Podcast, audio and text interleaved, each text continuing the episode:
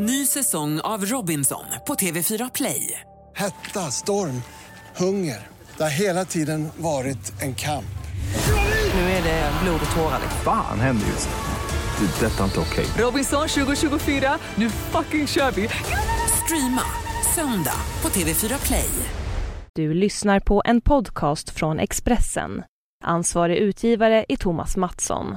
Fler poddar hittar du på expressen.se podcast och på iTunes. Det här är Expressen Dokument om Ariel Sharon mot sista vilan under rakethot av Arne Lapidus som jag, Johan Bengtsson, läser upp. Krig och våld präglade hela Ariel Sharons karriär och idag får han en stilenlig begravning under rakethot. Han begravs på sin lantgård i södra Israel, nära gränsen till Gaza, inom skotthåll även för Hamas enklaste raketer. Nu fruktar Israel att den palestinska gruppen ska fira sin fiendes död med en egen salut. Ett stort säkerhetspådrag skyddar därför hela landets toppskikt, många högt uppsatta utländska gäster och tusentals vanliga medborgare som kommer för att ta avsked av den kontroversiella ledaren, som till slut blev hyllad landsfader.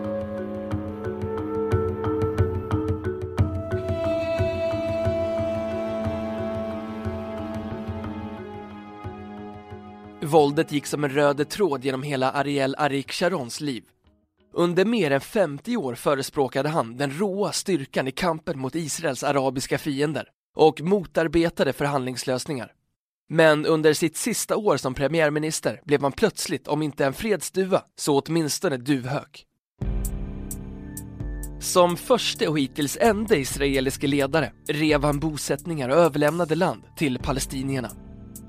Sharon bröt efter många år med sina allierade i bosättarrörelsen och drev 2005 igenom att Israel skulle dra sig tillbaka från Gaza. Han såg till att alla de 8000 israeliska bosättarna där kastades ut, många av dem handgripligen. Paradoxalt nog kommer nu hotet från hans egen begravning från just Gaza. Den terroriststämplade palestinska islamistgruppen Hamas tog makten där efter den israeliska reträtten och slängde ut rivalerna i partiet Fatah som leds av den palestinske presidenten Mahmoud Abbas och förknippas med fredssamtalen med Israel. Sharon överlämnade i praktiken Gaza direkt till Hamas och hjälpte dem att ta makten. Istället för att genomföra reträten i samförstånd med den palestinska regeringen och därmed stärka fredsprocessen, säger Ghassan Khatib, chef för det statliga palestinska mediecentret i Ramallah till satellitkanalen Al Jazeera. Så Ariel Sharon gav Gaza till Hamas, som redan ett par år därefter sköt raketer mot hans gård. De kan göra det också idag, när deras gamla ärkefiende förs till den sista vilan och därmed får en fullträff på Israels premiärminister, president, ÖB och alla andra samhällstoppar. Till begravningen väntas också USAs vicepresident Joe Biden, Tysklands utrikesminister Frank-Walter Steinmeier, ryska parlamentets talman Sergej Naryshkin och Storbritanniens förre premiärminister Tony Blair, som också de är i riskzonen. Gården, som är en av Israels största privatägda lantegendomar, har det poetiska namnet Mullbärsträdens gård Själva jordfästningen äger rum strax intill på familjens privata begravningsplats på anemonernas kulle som har fått sitt namn av de röda bukettanemoner som blommar i det karga ökenlandskapet under den israeliska våren. Israeliska medier rapporterar nu om det stora säkerhetspådraget Operation Anemoner som ska skydda begravningen. Säkerhetsinsatsen har fått namnet Operation Anemoner Israeliska och amerikanska myndigheter samordnar säkerhetsarrangemangen i händelse av raketbeskjutning mot gården, skriver Ynet, Israels största nyhetssajt. Armén har placerat om raketförsvarsbatteriet, järnkupolen, för att skydda området från raketer från Gaza, rapporterar Israels TV2. Och israeliska TV1 uppger att säkerhetsmyndigheterna först hade tänkt att bygga ett skyddat område dit begravningsgästerna skulle ta sin tillflykt vid raketlarm. Men det visade sig vara för komplicerat på så kort tid.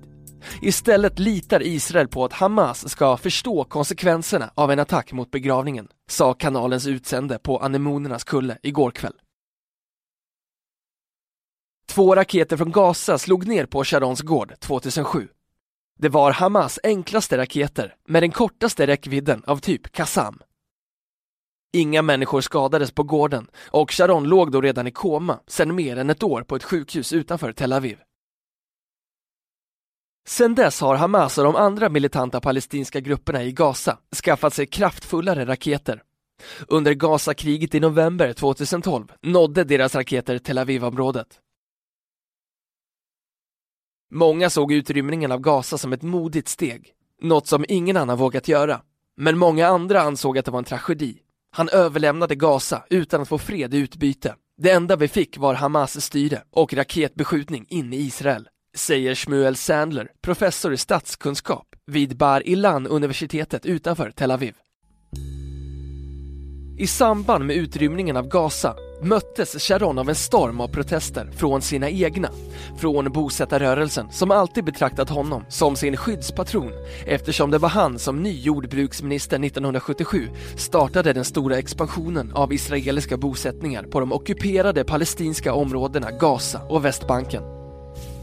Sharons beslut att lämna Gaza kom därför som en chock för många av hans närmaste politiska allierade. Så medan han nu hyllas som landsfader i vida kretsar i Israel gör bosättarrörelsens representanter rätt sura kommentarer om den döde statsmannen. Vi hade en lång och fascinerande resa med honom i kampen för att bygga bosättningar i Samarien, norra Västbanken. Men såret efter utrymningen av Gaza fortsätter att blöda, säger Benny Katsover, en av bosättarrörelsens pionjärer.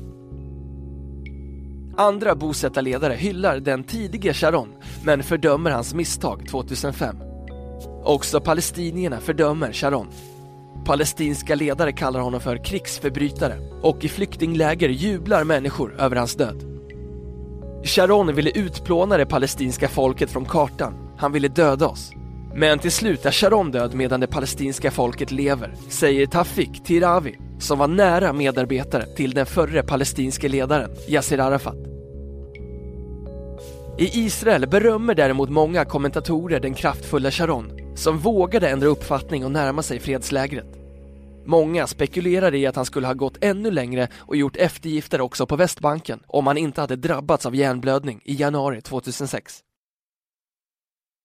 Också de utländska omdömena är positiva om Sharon efter hans död. Sharon var en stor ledare i Israel, en lysande militärbefälhavare, men också en klok statsman som insåg vikten av fred, twittrar Carl Bildt i ett uttalande som påminner rätt mycket om kommentarerna från Obama, Putin och andra internationella statsmän, men som får kritik på hemmaplan. Talesmän för Miljöpartiet och Vänsterpartiet tycker att Bildts uttalande är väldigt tragiskt och provocerande mot bakgrund av Sharons blodiga bakgrund. Uttalanden i situationer som denna bör nog främst lyfta fram de positiva sidorna av en individs gärning. Det tillhör faktiskt god ton, svarar Bildt. Israelerna kände sig faderlösa när premiärminister Ariel Sharon försvann in i koma efter en hjärnblödning. Ännu idag, efter hans död, åtta år senare, har ingen ny ledare lyckats fylla tomrummet efter den kontroversiella krigaren som till slut blev landsfader. Han fanns med i varje avgörande ögonblick i Israels dramatiska historia. Var man än gör ett nedslag under landets 65 år hittar man den brutale soldaten som blev en kraftfull politisk ledare. Tusentals israeler passerade igår förbi hans kista i parlamentet, Knesset. Vi kommer att sakna honom. Vi har saknat honom i åtta år. De ledare vi har idag försöker bara dra ut på tiden. De kan inte fatta de svåra beslut som krävs om eftergifter till palestinierna, säger Ron Gadnir, 37, IT-konsult i Tel Aviv. När jag växte upp var Sharon en hyllad krigshjälte. Sen blev han omstridd högerpolitiker. Jag stod mer till vänster, men stödde honom när han fattade sina modiga beslut om fred och eftergifter, om att lämna Gaza, säger han. Ariel Sharon var ung soldat i självständighetskriget 1948, ledde kommandostyrkor under 50-talet och gjorde avgörande insatser som general i krigen 1967 och 1973. Han spelade en avgörande roll när den israeliska högern kom till makten 1977 efter nära tre decennier av socialdemokratiskt styre. Som jordbruksminister ledde han bosättningsbyggandet på ockuperat område och som premiärminister 2005 blev han den första och hittills enda israeliska ledare som rev bosättningar och överlämnade land till palestinierna. Jag minns mest Sharon från min tid som ung soldat. Vi skulle skickas till Gaza för att hjälpa till att föra bort bosättarna därifrån. Det var en svår tid. Många av mina vänner demonstrerade mot Sharons planer, säger Tal Hadar, 28, inredningsarkitekt i Tel Aviv. För mig är han en stark och kontroversiell personlighet som har gjort mycket för Israel. Han symboliserar landet som bonde och soldat, starkt knuten till marken, säger hon. Sharon blev aldrig överbefälhavare. Han var för kontroversiell och tillhörde inte den rätta politiska klicken. Men han tog revansch på sina belackare när han blev försvarsminister 1982. Han ledde invasionen av Libanon 1982. Det blev ett militärt, politiskt och moraliskt fiasko som till slut tvingade honom att avgå efter den Israel-allierade libanesiska kristna milisens massaker på palestinier i flyktinglägren Sabra och Shatila. En israelisk undersökningskommission fann att han hade ministeransvaret för händelserna.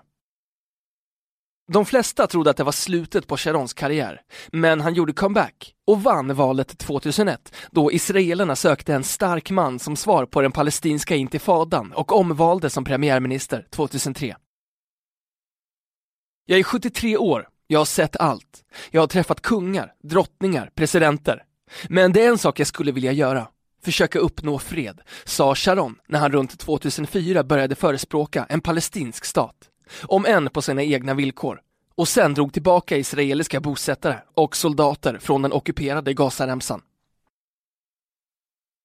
Men han var omstridd in i det sista och idag begravs han. Ariel Sharon hade både en militär och en politisk karriär. Han var mycket kontroversiell på båda områdena.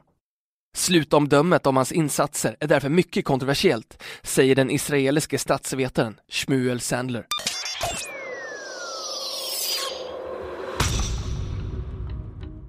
Du har lyssnat på en podcast från Expressen. Ansvarig utgivare är Thomas Mattsson. Fler poddar finns på Expressen.se och på iTunes.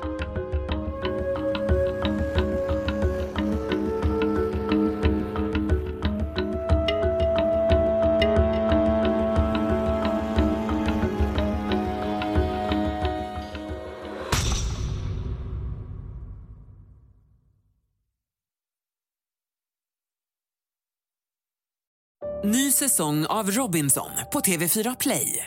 Hetta, storm, hunger. Det har hela tiden varit en kamp.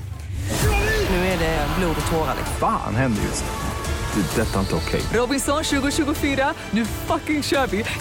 Streama söndag på TV4 Play.